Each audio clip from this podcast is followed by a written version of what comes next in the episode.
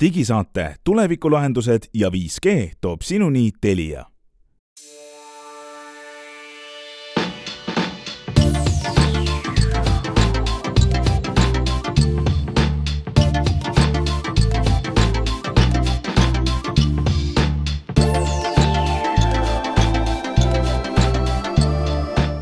kuulajad, alustab kaheteistkümnenda detsembri digisaade, kus on täna neli osalist. me oleme Henrik Roonemaa, Hans Lõugas, Glen Pilvre ja Meelis Väljamäe ja räägime sellest, kuidas me viimane nädal oleme kiusanud seda mm, jutuvestjat, keda me eelmine saade juba tutvustasime ka, chat GPT-d, tehisintellekti vestluskaaslast ja, ja jagame natuke kogemusi, millest ta üllatab ja rabab ja on eriline.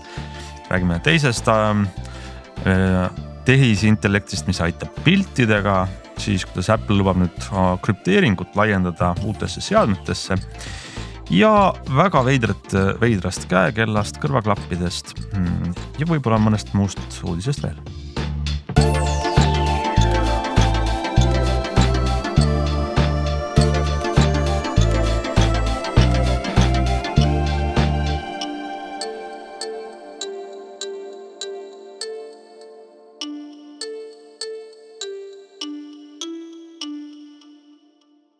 alustame siis chat GPT on see tehisintellekti tehnoloogial põhinev vestlusrakendus OpenAI fondi poolt tehtud, kõigile kasutamiseks avatud, mis on viimased nädalad on kõige huvitavam, naljakam, veidram äh,. igatahes erilisem selline tehnoloogia uudis, mis siin detsembris laiemalt on äh, kättesaadavaks muutunud ja eelmine nädal me natuke tegime juba tutvust sellega, mida chat GPT oskab vastata, mida mitte. ja me oleme siin, osad meist vähemalt on erinevate nurkade alt teda edasi piinanud ja jõudnud üsnagi huvitavate tulemusteni. Glen, äkki sa alustad endaga katsetustest, miks sa teda rääg-, millega, mida sa talt teada tahtsid? Mida sa küsisid? tuleb tunnistada, ma ütlen kohe sissejuhatuseks, et ma kiusasingi teda suhteliselt äh, siis, kui ta oli veel noor, ütleme siis nii, mis oli siis eelmise. nädal noorem. nädal noorem ja, ja tuleb öelda ka, et selle ajaga on ta nagu erakordselt palju õppinud, sellepärast et kui ma nüüd neid samu kiuslikke küsimusi talle esitasin siis kahjuks vastas ta neile väga pädevalt, nii et, nii et tuleb nagu öelda, et, et vähemalt ei saa nagu olla kindel, ühesõnaga, et kas kas võib-olla talt midagi küsides või, või, või, või temaga rääkides, kas seda infot tasub siis võtta nagu sada protsenti tõe pähe, aga igal juhul praegu tundub, et see on palju, palju selline asjakohasem, aga, aga et jutt ei jääks teoreetiliseks, siis ma ühe vastuse siiski salvestasin kavalalt ja, ja see ei olnud väga pikk, ma võin selle ette lugeda, et, et kui tehisintellekt võib-olla ei ole veel kõige, kõige kõige targem, siis ta võib anda üsna sisuka vastuse, mis on mõnevõrra kummaline. ma küsisin ühesõnaga lihtsa küsimuse. kes on maailma suurim loom? Ja sain teada, et maailma suurim loom on valge põhjapõder, kes elab Põhja-Jäämeres ja ta on maailma suurim kariloom. valge põhjapõder on võimeline veetma suuri vahemaid vees ja seetõttu on see loom väga mobiilne. valged põhjapõdrad on suured, nad võivad ulatuda kuni viie koma viie meetri pikkuseks ja kaaluda kuni kaks tonni. Nad toituvad kaladest ja muudest vee elustikust ning nad on võimelised hoidma oma kehatemperatuuri madalana, et saaksid ellu jääda külmas vees valge põhjapõder on maailma suurim ja kõige uuritum põhjapõtrade liik. vot nii. kõige uuritum, kuule, aga väris, mul tekkis silme ette küll sellest päris õudne kujutlus, sellest põdrast, kes ujub seal ja on tohutu ja suur. ja pean tunnistama, et kui ma selle esimese vastuse sain kätte, ma tegelikult alguses mulle tundus, et see kõik on väga jabur, aga siis ma hakkasin mõtlema, aga äkki tõesti on seal kusagil mingi suur põhjapõder, kes möllab seal. ega ise pole käinud vaatamas. külmas vees ja, ja möllab nende kaladega ja on madala temperatuuriga. no vot noh, aga, aga täna siiski ütleb mulle tehisintellekt, et selleks loomaks on hoopiski vaal ja vaal võib siis kaaluda lausa üle kahesaja tonni ja ulatuda neljakümne meetrini. nii et ma, ma ei täpselt isegi saa aru, mida, mis looma ta nüüd täpselt siis kirjeldas, igal juhul see kõik on üsna sihuke vastuoluline, samas natuke tõepärane ja samas natuke koomiline, eks ole, nii et vot selline vastus mulle. no selle chat GPT probleemistik on selles, et ähm, äh, kas see, mida me temaga räägime äh,, on see, kus ta vastab faktiküsimustele või ta räägib nagu vestluskaaslane ja me peaksime teda siis hoidma nii-öelda mingi standardi kõrgusel, et kuule, kui sa valetad, siis ma olen su peale vihane ja karistan sind kuidagi või sul on keelatud valetada või mitte.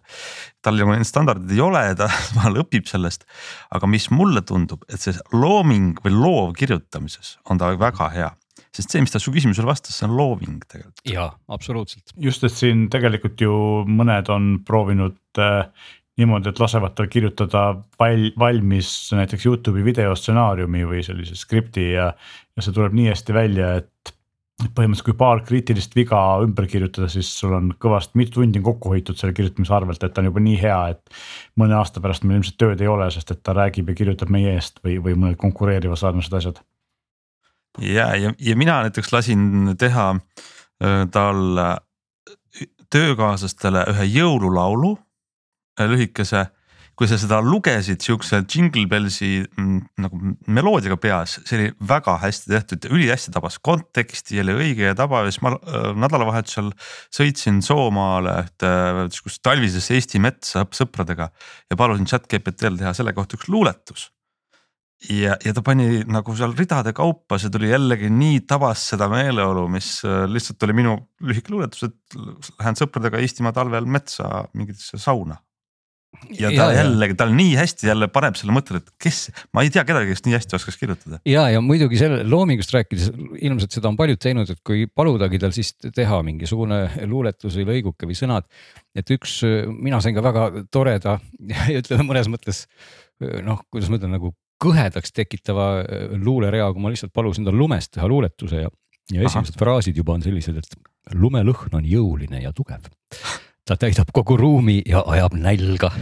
ta muudab maailma võlumaailmaks ja teeb igapäevaelust kaunimaks aga, aga on sihuke, see on no isikupärane on. lähenemine, ma ei oskaks on. niimoodi öelda, et lumelõhn on jõuline ja tugev. jah, ja ajab kogu ruumi nälga või, või täidab kogu ruumi, ajab nälga. Glen, kas sul Nii need, kas selle aasta need Eesti Eurovisiooniga asjad on juba kinni või saad veel, saad veel osaleda siin, nende sõnadega?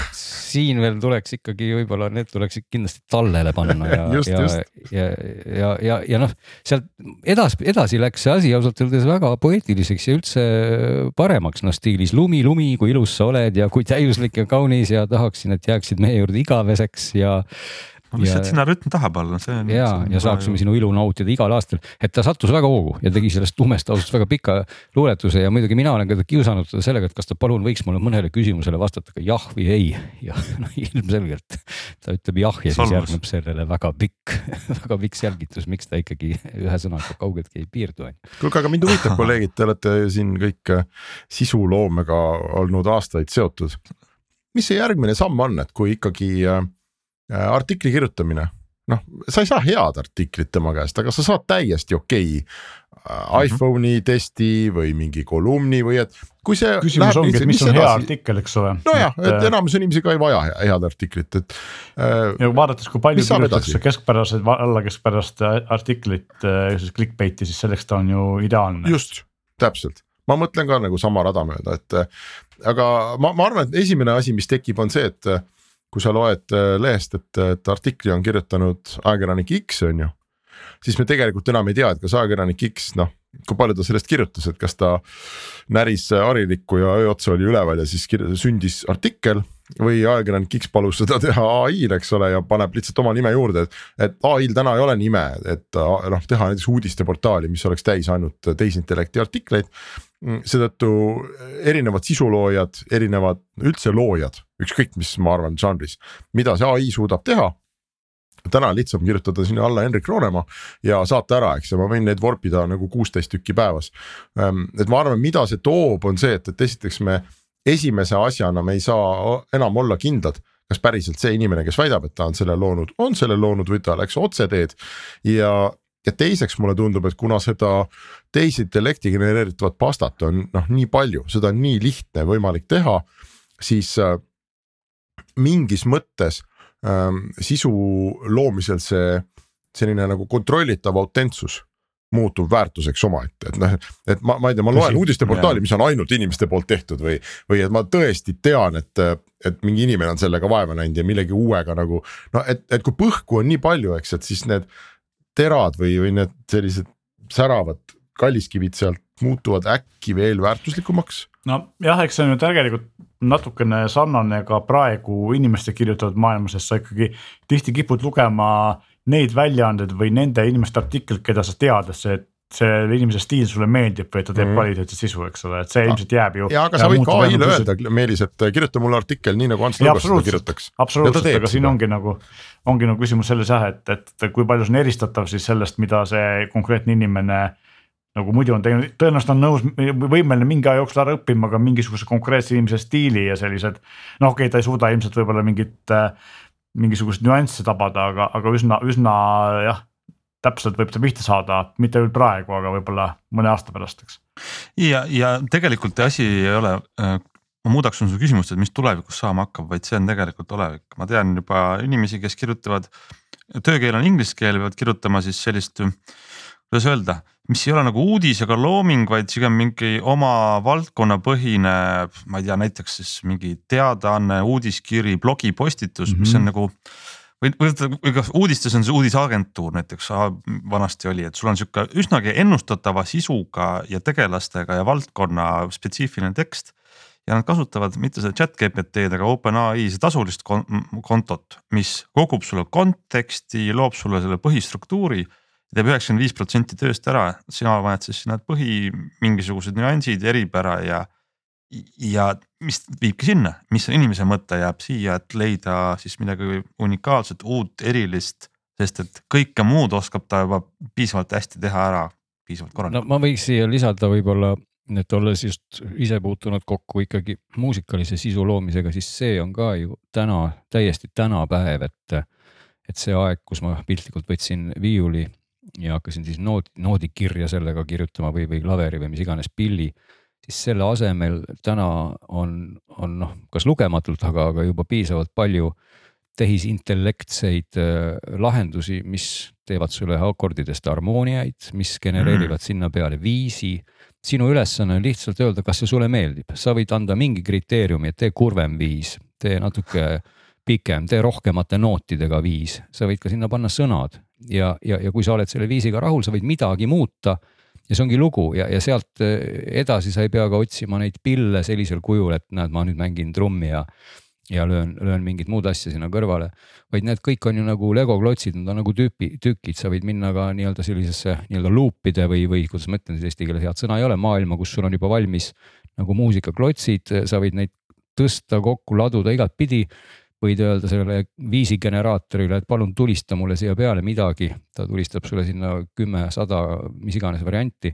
sa kuuled, kas see sobib, sa võid ka laulma panna piltlikult öeldes arvuti, eks ole, või, või teise samasuguse äh, nagu virtuaalse laulja, kes ei ole päris inimene ja, ja nii edasi, sa võid oma häälega laulda, sa võid olla absoluutselt viisipidamatu sa võid sellega tekitada sinna kõik täpselt nagu sa tahad, panna selle ideaalselt paika. et, et see kõik on tegelikult täna olemas, et inimese osa selles pigem ongi just see, et sa nagu Ants ka mainis, et, et sinna, sinna peab jääma nagu mingi säde, sinna peab jääma mingi eristuvus, sest see võimalus on täna kõigil. ja, ja keegi, kes oskab siis seda keskkonda nagu enda kasuks nagu kõige paremini nagu tööle panna piltlikult, kes teda saab selle õige tulemi kätte, see on meil täna siis nagu nii-öelda võitja jutumärkides, aga, aga muidugi see, see maailm läheb järjest rohkem ju sinnapoole, et. et see läheb järjest paremaks, see generaator ja järjest paremad tulevad need tulemused ja, ja iseenesest see nii-öelda latt tõuseb mõnes mõttes kogu aeg justkui kõrgemale, aga teistpidi muudab see latt ka õudselt paljude inimeste, väga, paljude inimeste jaoks võimalikuks osaleda mingisugusel alal, luua midagi, mida nad tegelikult üldse põhimõtteliselt ei oskaks. et noh, muusikaga ongi see täna jõudnud ka sinnamaani, et et kui oli, vanasti oli eelkõige oluline pillimäng ja lauluoskus, siis täna need omadused tegelikult noh, ma ei, ma ei saaks öelda marginaalsed, aga mõnes mõttes on, et, et põhimõtteliselt inimene, kes üldse pole sellega tegelenud, võib ka saada väga kuulsaks ja, ja teha väga-väga head produktsiooni, väga head sisu luua ja meeldida väga paljudele, olgugi et tal neid oskusi enam ei ole, eks ole versus kakssada aastat tagasi, kui Mozartid ja Bachid ja kes iganes või rohkem siin möllasid. aga vaata, siis Glen paistabki siit tegelikult selline äh, tõde hakkab, mulle tundub vaikselt kooruma, eks, et see tehisintellekt ei ole võib-olla niivõrd noh, nagu asi iseeneses või selline maailma muutev mingi täiesti uus asi, vaid ta on üks järgmine tööriist. ja, ja ütleme, kui sa vanasti olid jube hea kraavikaevaja ja kaevasid paremini ja kvaliteetsemalt ja sirgemalt ja tasasemalt kui kõik teised, eks ole. ja siis, kui millalgi tuli ekskavaator, siis äh, ei ole nii, et äh, noh, kogu maailm on kraave täis kaevatud, sest ekskavaator on olemas, eks, et igal pool ongi ainult kraavid. vaid äh, need oskused, mida on vaja kraavikaevajalt, need muutusid ja kraavikaevaja jõudlus ka muutus, eks ta, ta, ta jõudis päevas nagu rohkem kaevata, aga, aga ka ta tekkis uus tööriist ja, ja tekkisid uued nõudmised, et noh, et kes see hea kraavikaevaja siis on. ja ma arvan, et me võib-olla oleme siin tunnistajaks, et, et selle tehisintellektiga on samamoodi, et ta noh, ega ta oma peaga lihtsalt igavusest, see chat GPT ei kirjuta mingisuguseid jõulu ja lumeluuletusi ja. ja ei mõtle välja mingisuguseid valgeid põhjapõtru, eks ole, või keda, kes, kes nad sul olid. vaid ta teeb seda siis, kui inimene küsib ja mulle tundub, et üks olulisi eristuvaid oskusi tulevikus on, on see, et, et kõige kõvem tegija on see, kes suudab ai-lt kätte saada kõige parema asja. ehk et kes suudab küsida. ja oskus küsida jah ja. ja, ja oskus nagu minna oma küsimust täiendavate küsimustega noh süvitsi ja saada lihtsalt sellelt tööriistalt kõige parem toode nagu tagasi just, ma siin vahepeal yeah. jõudsin oma vaimusilmas selleni, et, et siis tekib kindlasti mingisugused reeglistik, et äh, kuskile aktsepteeritakse ainult, ma ei tea, kirjandus või, või muusika või ma ei tea, mis iganes videoteoseid, mis on kindlasti inimeste tehtud ja siis võidab see, kes suudab äh, kõige paremini ära petta, et kasutada seda tehisintellekti ikkagi niimoodi no,, et sa ei saa aru, et sa kasutad. ei, seda võib olla küll, aga. jah, siin võib ka tuua lihtsalt ma... paralleeli kohe kasvõi ütleme malemänguga, kus ju ammu on see dopingu alla liigitatud selle kasutamine, eks ole, nii et mõnes mõttes on see nagu äraspidine olukord, et, et tehisintellekt hakkab tegema mingeid valdkondi tõhusamalt ja, ei no muidugi. ja no romaani vaata, kirjutamine võibolla... on nagu trükimasinaga ja tegelikult ka arvutiga ja tegelikult ka õigekeelsus äh, mingit kontrolli ja, ja igasugu muud tarkvara kasutades romaane võib kirjutada, eks ole. ei ole, ei ole kuskil kirjas, et sa pead ainult hanesulega, et see on õige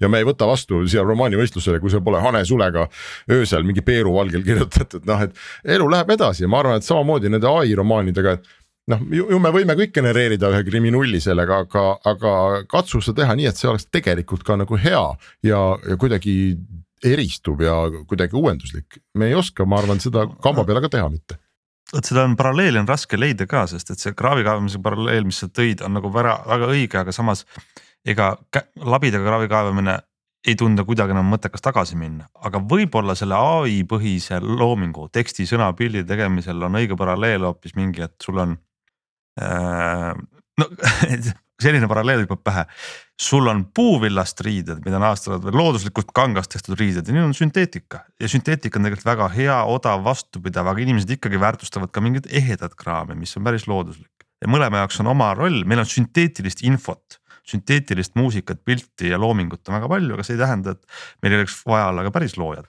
meil on praegu puuvillast jällegi... uudised, aga tulevikus on polüester uudised.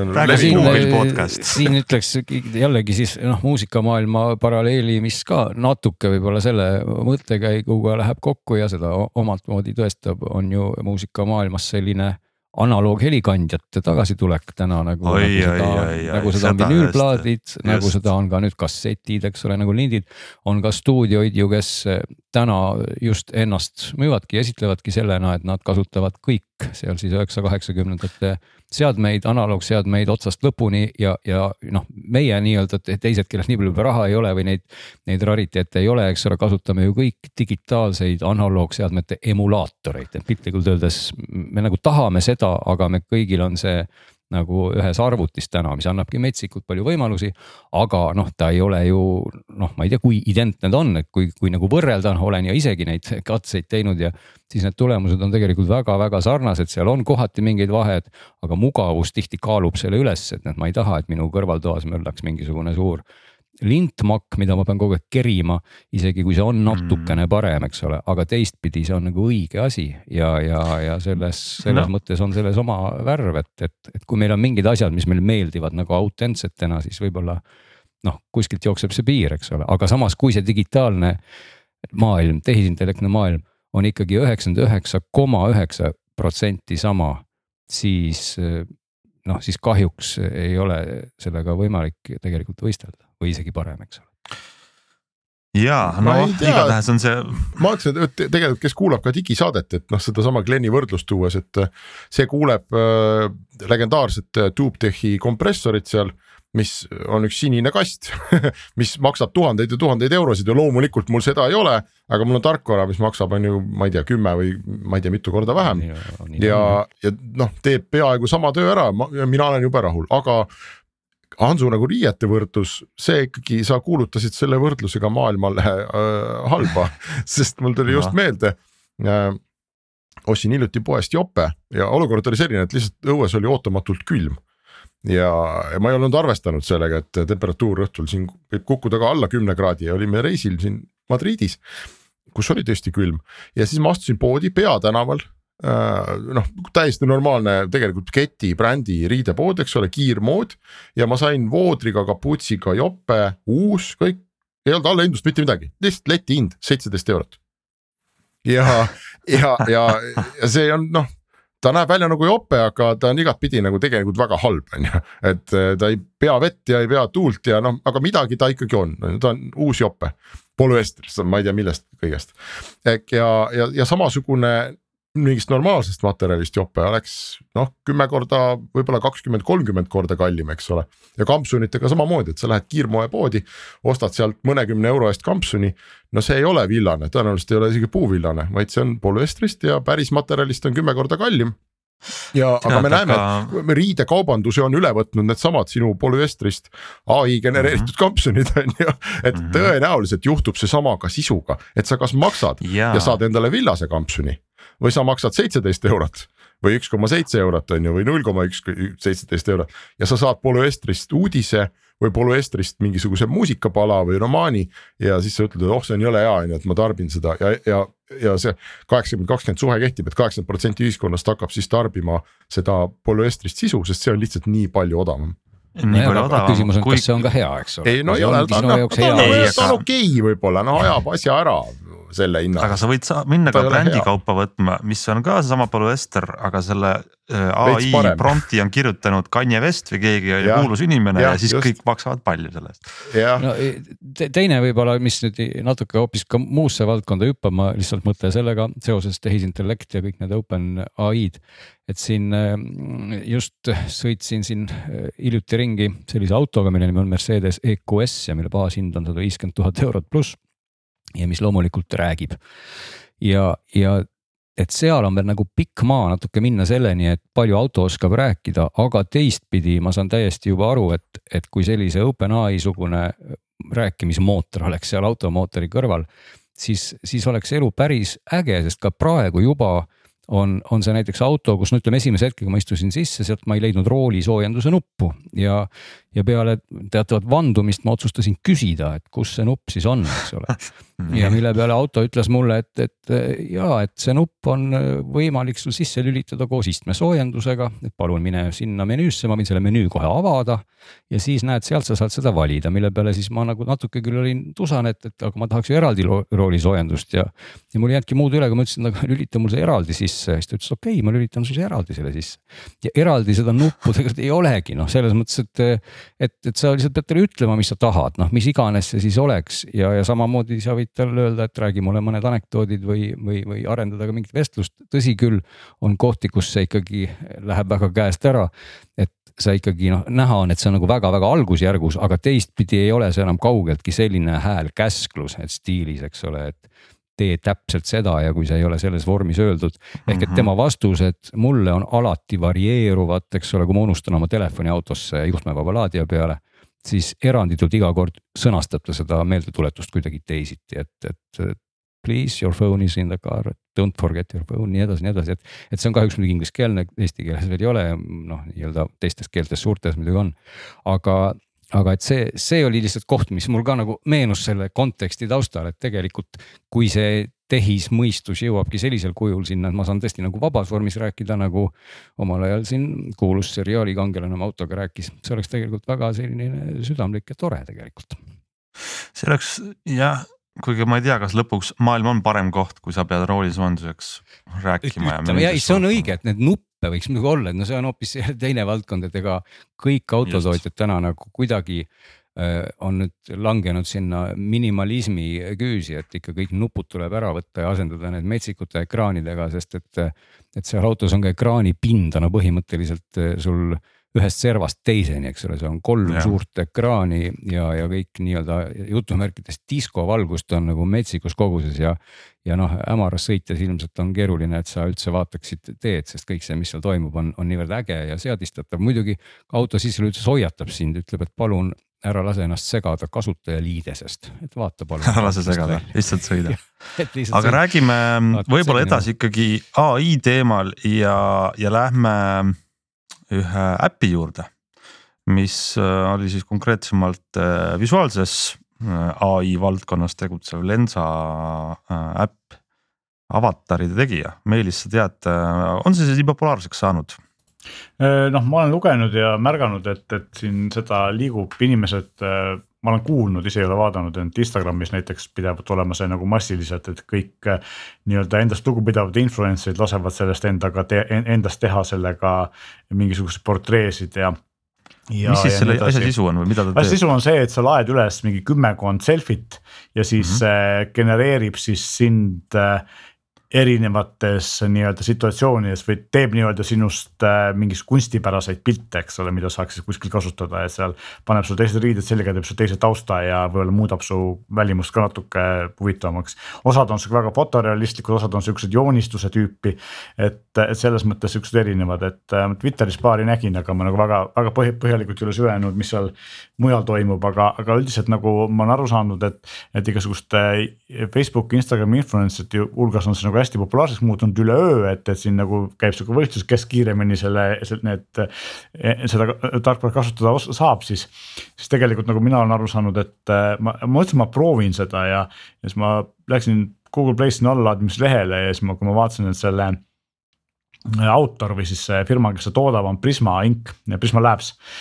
kes tegi kunagi Prisma nimelist sarnast asja, millega sa said siis endale tekitada mingisuguse teha oma pildist ühesõnaga mingit kunstipärast asja, sellist tavalisemat, kui, kui see tehisintellektiga värk on.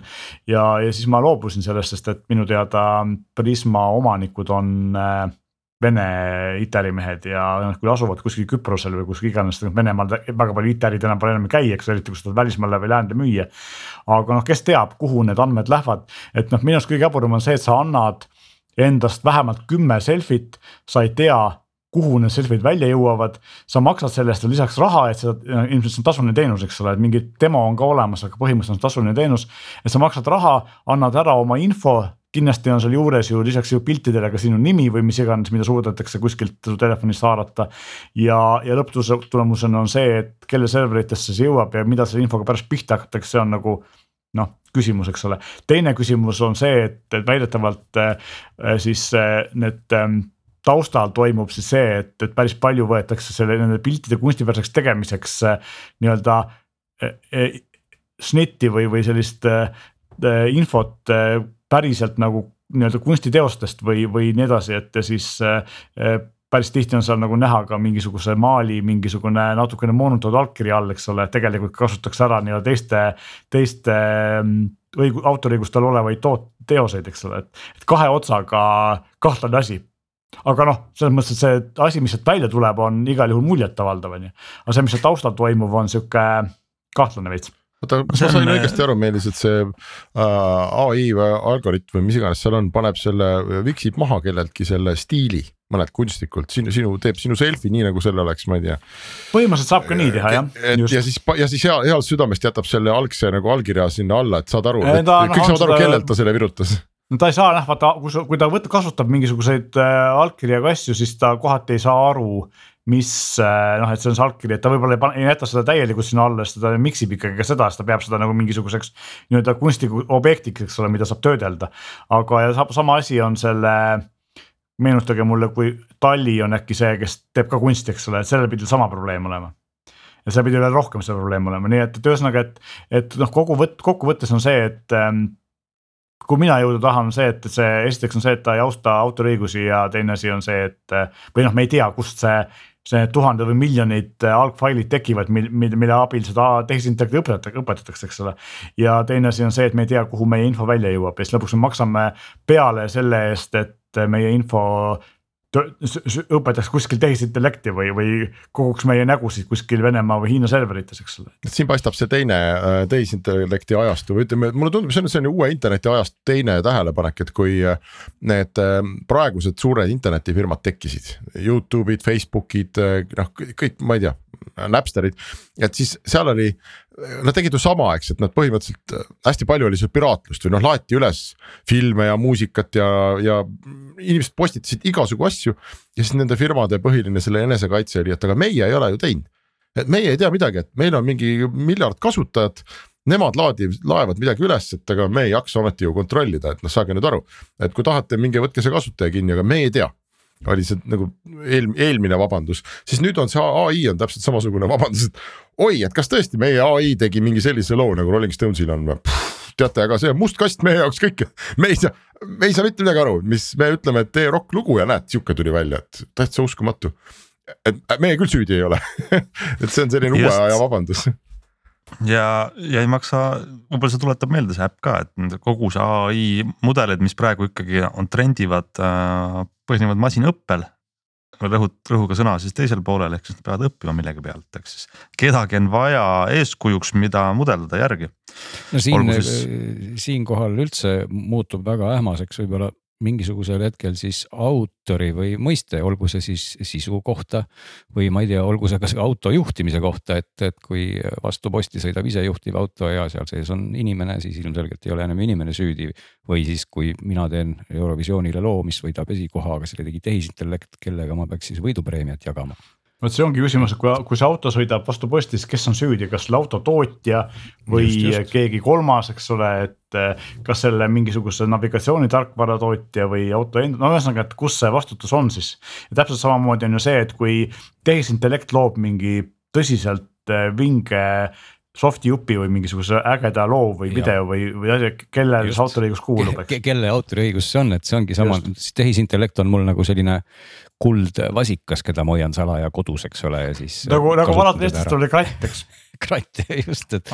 teeb, teeb mulle töö ära ja, ja ongi tagasi, et et see on õige tähelepanek, et seal, seal need, need kohad lähevad ju õhukeseks, need piirid, ma mõtlen, sest täna on ju meil suured organisatsioonid, kõik, kes ikkagi väga jõuliselt ju väga õigustatult võitlevad just selle sisu autorluse pärast ja selle see on nagu oluline asi, et me ikkagi nagu tunnustaks inimgeeniust, aga kui inimgeeniuse kõrvale tuleb selline kübergeenius, siis on jah, keda me siis tunnustame, kas seda, kes lõi kübergeeniuse või seda, kes kes siis ikkagi teeb hanesulega, kirjutab artikleid, eks. ja pluss, kui see kübergeenius äh, või, või ütleme, tehisintellekt genereerib sul kolm miljonit Picassot, eks ole, võib-olla tunni ajaga et ja, ja, ja ühel hetkel on need internetis, et kes see kurat jõuab käia ja no üldse järge pidada, et kus jälle mingeid autoriõigusi rikutud on see muutub väga veidraks, ma kahtlustan. ma arvan, et mingil hetkel muutubki kogu see selles, selles valguses kogu see tööstus tegelikult hoopis teistsuguseks, autoriõigus sellises kontekstis mõttetuks just selle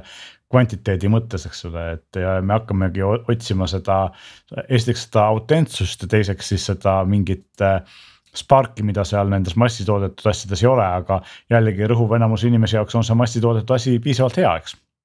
Mulle kuidagi tundub, et meie kuidagi jutt läheb kurb, kurb nagu tunneli lõpus kustus nagu valgus ära. Ma ei tea, võib-olla positiivse külje pealt on see, et, et see jällegi võib-olla see toob kuskile mingi kriitilise massi, mis toob mingi, teeb mingi asja tarbimise jällegi odavamaks ja, ja mugavamaks ja lihtsamaks ja. ja lõpptulemusena on ju räägitud sadu aastaid, et ma ei tea, alates sellest ajast, kui ratas leiutati, et, et mis nüüd saab, et, et enam ei ei olegi nagu tööd ei peagi tegema, eks ole, et me kõik jäävad töötuks ja iga, iga järgmise mingi tööstusrevolutsiooniga räägitakse sama asja, eks ole, aga. aga alati on leiutatud mingisugused uued töökohad või, või mingid asjad, eks ole, maailm ei ole seisma jäänud ja. ja ilmselt see juhtub ka nüüd samamoodi ilmselt küll, aga võib-olla räägime järgmisteks teemadeks natuke mõnedest praktilisematest või vähemalt nahalähedasematest äh, uudistest. esiteks ma tahtsin jagada Apple'i teadet, kes siis äh, teatas, et laiendab oma äh, kasutajate andmete krüpteerimist. mis jälle võib-olla otseselt igapäevaselt seadmete kasutamist ei muuda, aga, aga näitab firma strateegiat sinna suunas, et et need pildid või sõnumid või mis iganes kasutaja andmed, isegi kui nad asuvad Apple'i serveris, et sealt pealt ei saaks mingi masinõpet korraldada või keegi mingil muul moel neid varastada, sellepärast et uuenduse käigus nüüd krüpteeritakse kõik ka mm, seadmete varukoopiad ja sõnumite varukoopiad, mida näiteks inimene hoiab iCloudis. varem oli see nagu seni ainus selline äh, nõrk külg sellel, et ma võisin saata teisele iPhone'i omanikule küll krüpteeritud iMessage'i, mida keegi teine lugeda ei saanud, aga minu sõnumitest jäi koopia Apple'i serveritesse, ma kasutasin varukoopiat, nüüd on siis see lõpeb ähm,. lisaks saab siis peagi ka ennast Apple'i kontosse tuvastada turvavõtmega, siis füüsilise selle security key ehk siis füüsilise turva, mis see eestikeelne hea sõna on, turvavõti. Aga nii palju kui ma olen aru saanud, need on opt-in ehk äh, sa pead ise minema kuskile ütlema, et ma tahan, et see nüüd oleks nii, sest kui sa ei tee midagi, siis jätkub ka kõik nii nagu oli, eks ole. Ja sul on hästi õigus, sellepärast et kui nüüd uue, mm, sa valid selle täiskrüpteerimise, eh, siis sa võid oma andmetest ka ilma jääda, kui sa ise oled lohakas, et see paneb sulle teatava kohustuse ise meeles pidada oma paroole. Kas see on täna juba äh, nagu toimiv asi, et ma võin minna kuhugi seda linnukest tegema või see on mingi asi, mis alles tuleb ja mis seisus see on? ma saan aru, et selle asja programmi nimi on siis Advanced Data Protection, laiendatud andmete kaitse, äh, mis laieneb iCloudis ja see peaks kaks tuhat kakskümmend kolm jõudma ülejäänud maailmani, et see algab Ameerika Ühendriikide kasutajatest. Uue iOS kuusteist kahega, nii et meie siin nurgas ootame järgmise aastani ja ka see USB turvavõtme kasutamine äh, peaks järgmine aasta jõudma kasutajateni, kuigi noh, näiteks paralleelselt Google'il on see juba ammu toiminud ja on igati, igati mõistlik lisandus sellele, et keegi, mis see USB turvavõti tähendab, et kui sa uuest seadmest logid oma kontosse sisse, sul on vaja parooli ja mingit kaheastmelist mm, turvalisust, siis see peab olema füüsiline asi, et keegi ei saa sult ka mingi sõnumiga välja meelitada, et palun ütle oma PIN või see kontrollnumber. mis on väga levinud õngitsusviis, nii et USB turvavõti on võib-olla selline paarikümne eurone, viiekümne eurone kingitus oma lähedasematele jõududeks, mis tasub teha või iseendale selleks, et olla kindel, et ka ükski õngitsus ei pääse teie andmeteni aga võib-olla sellest pikemalt mõni järgmine saade. meil on siin veel käegakatsutavate uudiste ähm, rubriigis midagi väga imelikku, Glen. Äh,. on need nüüd kõrvaklapid, on see nüüd käekell, on see nüüd midagi muud, ei saa aru. Ja järjekordselt ei taha küll võib-olla igas saates rääkida Huawei'st, aga peaaegu kukub see nii välja, et Huawei'l tegelikult oli oligi siin nüüd just selline küll vist Hiina põhine esitlus rohkem, aga, aga eks need asjad peaks ka jõudma tõenäoliselt mingil hetkel laiema maailma ette, kui, kui hiinlased arvavad, et peab, nii head on ja üks nendest natuke veidratest asjadest on siis äh, käekell, mille nimeks on Huawei Watch Buds. ja Huawei on siis leidnud, et, et hea mõte on peita käekella sisse noh, budsid ehk nööbid, mida siis kõrva panna, nii et noh, põhimõtteliselt on see siis käekell, mis on nuppu või juhtmevabade kõrvanuppude, kõrvanööpide korpus ja siis, kui sa tahad, siis võtad sealt välja need kõrvaklapid ja, või nööbid ja pistad kõrva ja noh, nagu ikka ja siis paned nad jälle pärast tagasi käekella sisse, nii et ma, kell tead, ise. kuna need klapid on suuremad kui kell, siis ma ei oska niipidi mõelda, mul tuleb ei. niimoodi pähe, et, mul on see doos, kus ma panen need klapid laadima. nüüd ma selle doosi tõmban rihmaga käe peale seal peal on ka siis ka ekraan kellaajaga no,. see võid nii öelda jah, et ta ei ole väga, väga suur, et niimoodi äh, praegu vaadates siin äh, neid mõõte ja kõike on see kell nagu ikka üks nutikell, küll paksust on tal siis poolteist sentimeetrit, nii et noh, eh, see on võib-olla nagu marginaalselt ikkagi rohkem kui tänaste, ei tegelikult isegi ma vaatan, ei ole, ma, ma vaatan ka tänased kellad on ka üle sentimeetri, kipuvad nad kõik olema, eriti suuremad veel. nii et, eh, et ta ei ole üldse väga suur ja iseenesest kellana näeb ta välja täiesti hästi diskreetselt kena, et ta ei, ta ei ole mingisugune noh, ei ole nagu seda tunnet, nagu sa kirjeldasid, et ma panin selle karbi omale teibiga ümber käe, eks ole, et et ta on nagu täitsa kell ja need pisikesed nööbid seal sees on ka täitsa nagu asised, et küsimus on jah, kui mugavad nad on ja kõike seda ilmselt peaks siis nüüd päriselt proovima, kui see asi kunagi võiks kohale jõuda ja, ja ei maksa ta ka nagu ulmeliselt palju sugugi, et, et see see Hiina ühikutest teisendatud hind praegu vihjab siin neljasaja pluss dollari ja euro peale, mis, mis on iseenesest täiesti nagu selles mõõtkavas ju täitsa okei okay hind. et äh, ei, ei saa öelda, et nagu kontseptsioon oleks ju halb, et, et aga noh, kui see, kui see ei kaalu muidugi üles nüüd ütleme, kas siis helikvaliteedi, mugavuse või noh, küsimus on see, et kas ta lahendab mingi probleemi, eks ole. et natuke et, lahendab et, mugavust võib-olla, eks, aga minu küsimus on pigem see, et äh, olles mitte neid andmeid vaadanud, et noh, kellas enamus kella paksusest on aku ja kui Just. nüüd osa sellest läheb sinna klappide alla, et kas see aku on selle võrra väiksem või? no ilmselgelt on väiksem, aku mahuks öeldakse praegu olevat nelisada kümme milliamper tundi, mida no,. see on päris kella, suur aku. mida kella mõõtude kohta väga palju küll ei ole, et ma, ma, kui ma nüüd ei eksi, siis kas Huawei Watch kolm Pros peaks olema lausa mingi kaheksasaja milliamper tunnine aku, et. et see on ikkagi väiksem oluliselt, kui sinna nagu jah, nagu sa Meelis ütlesid, mahuks, kui seal ei oleks neid auke. aga ta on suhteliselt suur ja, ja selle aku vastupidavuseks väidetakse täna, et, et kuni kolm päeva ja, ja kõrvaklapid ise või klapp on nagu vale sõna, kõrvanööbid ise seal sees on siis kolme kümne milliampertunniste akudega ja suudavad siis eh, neli tundi mängida, seal on ka mürasummutus, aktiivne mürasummutus on nendes nööpides, eks ole. oota, aga millest tuleneb see kolmepäevane kestvus, et kui me teame siin, et eelmistel Huawei kelladel on see olnud paar nädalat. mis tähendab seda, et see vahe on väga suur, sest see aku no, ei ole ju mitu korda väiksem, võib-olla maksimaalselt kaks korda väiksem. no aga vaata, ilmselt on siin arvestatud mingit keskmist kuulamiskasutust, sest okay. tegelikult see ja, ja. kell ju laeb neid nööpe just, just. et, et küsimus on selles mm, -hmm. et, et kui seal nööpides on see kolmekümne milliamper tunnine ja ilmselt ma ei ole vaadanud ka seda. Nende mõõtemetoodika spetsifikatsioone praegu ilmselt on seal stiilis öeldud, et sa siis, ma ei tea, kolme päeva jooksul kuulad mingisugune, mingi X tundi. et, et tõenäoliselt see väga palju sõltub sellest, et noh, kella ise saad laadida juhtmevabalt ja. ja need nööbid siis laevad seal kella sees, vot selline selline vigur, kell iseenesest on väga korralik nutikell või nagu ikka, et EKG mõõtmine, kõik need verehapnikud, asjad, et täitsa nagu noh, täiesti päris kell, et päris nutikell, et ei ole ainult see karp. ma põhimõtteliselt, Glen, siis äh, mulle tundub, et see on selline Huawei äh, ma ei tea, mis iganes sõrme näitamine Apple'i ja teiste poole, et noh, et kuulge, et me võime põhimõtteliselt nagu panna oma kella sisse klapid.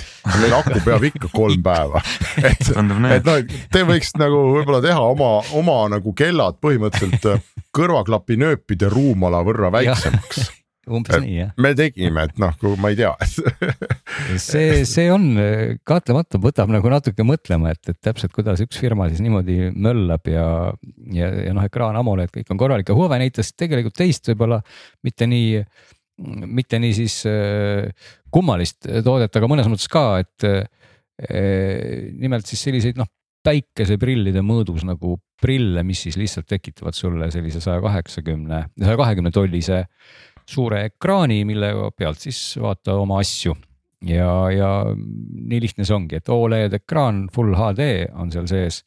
nii et sulle selline personaalne televiisor, et, et see ei ole mingisugune VR seade, eks ole, et see on lihtsalt lihtsalt suur ekraan, kui sa kusagil istud, ma ei tea, rongis, bussis, võib-olla Hiinas on see probleem võib-olla palju suurem, et hästi palju inimesi istuvad hästi väikestes kohtades ja, ja siis on neil kõigil need prillid ees ja on hästi suured ekraanid seal väikestes. kui see, kui need prillid ise on pisut pisikesed ja kui see pilt on piisavalt hea, siis miks mitte, et tegelikult ju selliseid ja. ekraaniga prille on tehtud äh, päris ammu. aga vanasti, nagu vanasti oli seal see, et resolutsioon oli päris nutune, eks ole, noh ajad on edasi läinud, et tänapäeval saad sinna ilmselt mingi full HD pildi ilusti ette manada, et. ja et noh, nimi on Huawei Vision Glass ja Oled ekraanid et eh, noh, ka see on üks nendest toodetest natukene, mis, mille kohta võib küsida, et kas ta nüüd lahendab mingeid probleeme, sest nagu sa Meelis ütlesidki, neid ammu on juba, väga ammu on neid olnud olemas, aga nad on kõik olnud piisavalt udused, suured, ebamugavad ja kõik see kokku tähendabki, et ei ole neid nagu massiliselt no,. eks ta tegelikult lahendabki ju mõnes mõttes seda, et, et on sihuke üsna mõistlik äh, reisilahendus inimestele, kes tahaksid vaadata suuremat ekraani kui nende telefoni või tahvli ekraan, eks ole, siis. Äh, ja piisavalt diskreetselt või nii, et teisi inimesi häirimata, siis kuskil rongis või lennukis on võib-olla täiesti. ja noh, mõõtude koha pealt on siin äh, kahe millimeetri paksused ja kaaluvad sada kaksteist grammi, nii et. no ma, kui ma vaatan neid pilte, siis tegelikult noh, nad näevad ju välja nagu keskmisest natuke suuremad päikseprillid, eks. jah, just just mm, -hmm. et, et täitsa tundub ka ikkagi huvitav vidin, mida võiks proovida ja, ja samamoodi nagu kell on samas hinnaklassis ka, et seal nelisada pluss siis meie, meie rahaühikutes võiks nad siis hakata maksma ja noh, Hiinas saab neid juba osta nüüd jõuludeks, aga ilmselt siit veel mitte. ja ma korra mõtlesin veel nende klappide peale ähm,. ma ei tea, kas sa oskad seda kommenteerida, Glen, aga ma kahtlustan, et, äh, et see aku vastupidavus, mida ka Meelis küsis see tõenäoliselt tuleb Huawei sellisest arvestusest, et keegi meid, meist ei jaksa nii palju järjest neid nööpe kuulata, et need läheks tühjaks. ehk ma arvan, et need nööbid ise tegelikult toimivad selle kella akuna mingis mõttes. no nööpides on tegelikult aku nii vähe, ütleme see kolmkümmend milliampertundi no, see on nii noh, kümme protsenti vähem veel sellest kella enda akust, mis oli nelisada, et. Ja ma mõtlesin, et, et muidu panete kella sisse, et saad jälle laevad tagasi, eks ju, või noh, et, et, et saab kasutada nagu ühendatud anumatena neid kahte. ei, ma saan aru jah, aga mulle nagu tundub, et see on selline, noh, see on nii vähe, et see annab. mina see... julgeks öelda, et äh, isegi üllatav äh, see numbrid, mida sa siin ennem rääkisid, et noh, nelisada kümme oli vist see ja sa rääkisid midagi kaheksasajast seal mingil teisel kellal, et. see oli need... juba see vanem kell jah. jah, et need suur. on tegelikult üllatavad numbrid, siis ma tean, et näiteks Samsungi Galaxy Watch viis Pro, mis on sihuke, millest olete kõik näinud vähemalt pildi pealt, sihuke üsna paks kell, eks ole, see selle aasta välja tulnud spordikell. mis on esimene Samsung kell, mis äh, siis kolm päeva või kaks-kolm päeva vastu peab ja sellel on äh, Samsungi seni kõige suurem aku, mis on viissada üheksakümmend milliampertundi ja tavalisel Galaxy Watchil on ta ka sinna neljasaja milliampertunni kvanti yeah. ja see pise, pisemal. Nendel, äh, mis on siis nagu neljakümne millimeetrised, hästi pisikesed kellad, kõige lihtsamad neil on ju alla, alla kolmesaja milliampri lausa, nii et, et tegelikult see, see on üsna suur aku isegi nüüd, kus need klapid seal sees on, võrreldes konkurentidega, ma mõtlen just. Apple Watch seitsmes peaks olema kolmsada üheksa, selles väiksemas. Äh, ma ei tea, palju suuremas, suuremas on ilmselt natukene, natukene rohkem mm. -hmm ja ei noh, ongi Huawei see akumaagia võti ongi kahes asjas, et suhteliselt suure aku on nad oma kelladesse pannud ja, ja loomulikult on see opsüsteem neil ei ole siis võib-olla nii nutikas, et see on nüüd ka Harmony baasil, eks ole et aga samal ajal on see opsüsteem tõepoolest erakordselt äh, nagu säästlik ja teeb oma spordiasju hästi ja ajab sinu südame jälgimist hästi ja, ja selle arvelt siis peabki. kokkuvõttes ongi see, et suurem aku ja vähem nõudlikum opsüsteem ja võrdub siis pikk äh, aku vastupidavus no huvitav, eks lõpuks oma silm on kuningas, kui selline seade hakkaks meie maale peaks jõudma äh,. Henrik, sul on midagi rääkida ühest hiirest. jah, ma just mõtlesin, et me alustasime siin tohutult mingit filosoofiliste ja maailma muutvate ai-dega ja nüüd me oleme jõudnud lihtsalt hiireni, aga ma ei tea, ma eeldan, et see on meie saate viimane teema ka, et, et ma saan siis, lõpetame siis ikkagi väga maalähedase, ma, ma lihtsalt ostsin üle tüki aja uue hiire, üle mitme-mitme aasta ja nii palju, kui ma hiire olen katsetanud, minu lemmikhiir on kogu aeg töö tegemiseks, on olnud Logitechi äh, MX Master. ja mul oli selline nagu MX Master 2S, nüüd mul on MX Master 3S, mis on peaaegu identne. seal on natukene kaaluvahe ja natukene siin erinevate mõõtmete vahet, aga noh, see loogika, et milline see hiir on, kuidas ta käes istub, see on, kus need nupud on, see on kõik sama mulle lihtsalt meeldib, et ta on, ma ei tea, minu käe järgi väga hästi tehtud, ma saan teda väga pikalt kasutada, nupud on väga head. aga miks ma peamiselt ta ostsin, oli see, et äh, mul lihtsalt ei ole enam eriti mikro USB kaableid ja ma ei viitsi kogu aeg kiire laadimiseks minna kuskilt otsima kapi sügavustest. sest seda vana ma pidin mikro USB-ga laadima, uus on USB-C, aga selle käigus ma avastasin, et, et selle uue hiire kõige suurem uuendus on see, kui vaikselt ta nupud käivad ja siis ma avastasin mm, -hmm. kui pagana hea on, kui su hiir ei tee häält. ehk ma korra klõbistan oma eelmist hiirt siin. ma ei tea, kas te kuulete? ma panin ta nagu täitsa, noh täitsa mikrofoni juurde. klipa-klipa käib. nii, ja nüüd ma teen sedasama, ma loodan, et see mu uus hiir ei vajuta, ma lülitan ta välja, muidu ta vajutab mingile head aega nupule. nii, ja ma klõbistan oma uut hiirt. on midagi, midagi kuulda, ma ei tea.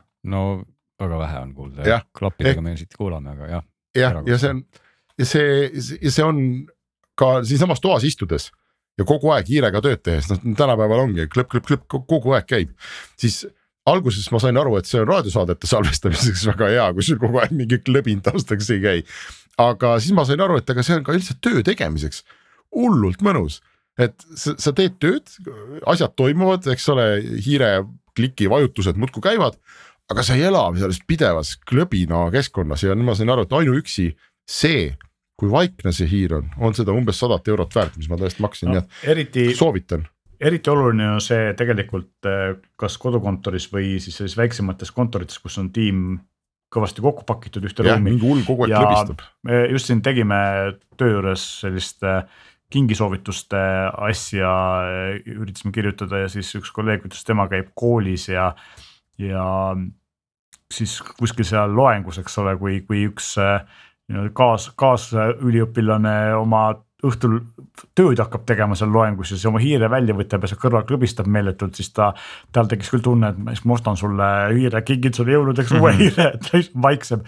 aga tegelikult see on, ähm, tegelikult on see päriselt nagu trend, et, et põhiline innovatsioon lisaks kiirusele viimasel ajal hiirtes, eriti kontorihiirtes just ongi see, et äh, nad lähevad vaikseks, ehk siis selline võidujooks sellele, kes suudab teha kõige vaiksemate nuppudega hiire, on tegelikult päriselt käimas ja, ja kõik suuremad tootjad selle, sellele panustavad ja see on väga teretulnud nähtus. kuule, aga kui sa juba siin hiirtest võtsid jutu üles. korra tahtsin küsida veel hiire kohta, et kas ei anna ikkagi midagi puudu sellest klikist, kui su klikk tegelikult ei olegi klikk, vaid on hoopis mingi šu, šu ja see on huvitav küsimus, alguses tundus, et ma nagu ei tee, et kas ta üldse läheb läbi nii-öelda või et. kas töötab üldse kas töötab üldse, aga, aga ei, need, see nupuvajutus on nii hea, et ei ole mingit äh, küsimust. ja noh, hiirest käib väike selline väike plõks nagu läbi, et sa okay. tegelikult käega nagu tunned, et ikkagi midagi, ta ei ole noh, selline nagu. sa ei vajuta nagu mingit kartuliputru, eks ole, et sa ikkagi, sa tunned, et tegelikult see klõps käib, aga seda lihtsalt pole kuulda et ühesõnaga minu selline vahelesegamine oli seotud täitsa puhtalt personaalküsimusega, et Henrik, sa mainisid seda Logitechi MX seeria hiirt, kui ma õigesti mäletan, siis need olid sellised legendaarsed hiired, mis, mis olid nagu väga hea vormiga, et see oli käes nagu a la mm -hmm. lumepalli oleks teinud ja Mm -hmm. siis see ongi sinu hiir. küll aga siis, kui ma oma nagu arvutindusega kolisin Maci peale, siis loomulikult tuli sellega kaasa Apple'i maagiline hiir mis tundus alguses mul selle Logitechi hiire kõrval nagu täitsa sihuke nagu tikuvõileibaga ajaks kursorit taga. aga ma pean tunnistama, et olles nüüd selle Logitechi hiirega väga ära harjunud ja, ja sellel on peal, mitte Logitech, Apple'i hiirega jah ja. ja sellel on ju peal see väga hea puutetundlik paneel, mis, mis siis edasi-tagasi, üles-alla teeb kõiki asju ja siis vahepeal siit kapinurgast leidsin ka oma vana Logitechi hiire ja teise arvuti taha panin. ma pean nagu tunnistama, et, et see Logitechi hiir tundus nagu ta tundus nagu käes küll endiselt väga mugav, aga funktsionaalsuse osas oli ta nagu ma oleks traktoriga proovinud ringrada sõita, et, et see, see maagiline hiir, Apple'i oma lihtsalt oma funktsionaalsust on nii palju ägedam, et minu küsimus on nagu pigem sihitud sinna, et kui ma nüüd täna ostangi sellise tavalise hästi kätte sobiva hiire, kas on ka pakkuda selliseid asju, kus see puuteplaat on sinna hiire sisse niimoodi integreeritud? Neid on, aga, aga ega nad ei ole tegelikult eh, selle Magic Mouse'iga võrdväärsed ja. ja mina olen mõlemat kasutanud ja see on jällegi nagu harjumuse küsimus, eks ole, nagu sa Just. ütlesid, et mina ei, no ma kasutasin piisavalt vähe ka, et mina ei suutnud seda Magic Mouse'iga ära harjuda, mul on ka, ma olen selle MX-i fänn, et mul on siin on üks vanem performance MX ja töö juures on mul see MX Master kaks S vist, mis näitekul enne oli natukene paljude nuppudega, aga, aga väga hea hiir ja, ja minul isiklikult, mul ei ole rohkem vaja, mul on vaja, et oleks äh, hea rull, et oleks mugav käes, et oleks äh, edasi-tagasi nupud, eks ole, siis. Äh, no vot, sellel Magic Mouse'il tegelikult ju see puutepaneel asendab seda rulli täielikult, eks ole mm. -hmm et, et tuli nendel maagi nii-öelda Logitechi ERT-l see rull oli vist mingil hetkel selline, et alguses olid kuidagi oli see rull nagu ka selline, käis niimoodi nakk-nakk-nakk-nakk, aga sa võisid selle rulli kuidagi lahti ühendada. mul on samamoodi kaks režiimi, eks ole, nagisev ja siis mitte nagisev režiim. jah, et, et, et see põhimõtteliselt see rattarežiim nagu oli enam-vähem võrreldav selle maagilise hiire kogemusega, aga selle minu jah, segase jutu küsimus oligi see, et kuna see maagiline hiir tõesti, tal sellist käesõbralikkust nagu sellisel kujul üldse ei ole, aga teistpidi on tal jube hea funktsionaalsus et võib-olla oleks aeg, et oleks ka olemas äkki selline hiir, kus need mõlemad on hästi kokku pandud. ja noh, selle koha pealt, mis puudutab puutepaneeli, siis me teame, et sellistel väikestel vidinatel, et Apple on seal ikkagi nagu peaaegu ees, eks ole, teistest. kui me vaatame touchpad'e ka, eks ole, selle arvutitel mm. -hmm. aga, aga selles mõttes jah, et mulle, mulle need Logitech hiired meeldivad ja ma olen vahepeal mõelnud, et äkki peaks proovima hoopis mõnda sellist nii-öelda ergonoomilist, eks seda, kus mu käsi on nii-öelda vertikaalselt, mitte horisontaalselt, ehk siis püsti kasvatatud hiirt, et Logitechil tuli ka sel aastal kaks sellist uut välja ja minu teada on ka konkurentidel neid olemas, nii et, et võib-olla oleks see hoopis parem. siis peaks neid katsetama ja proovima muidugi. just. aga võib-olla siis võtamegi selle endale sihiks järgmiseks nädalateks või aastaks, sest et ega meil selle aasta saateid, saateid on veel jäänud kolm tükki sellesse aastasse tänaseks ütleme kõigile aitäh kuulamast ja oleme teiega tagasi järgmisel nädalal.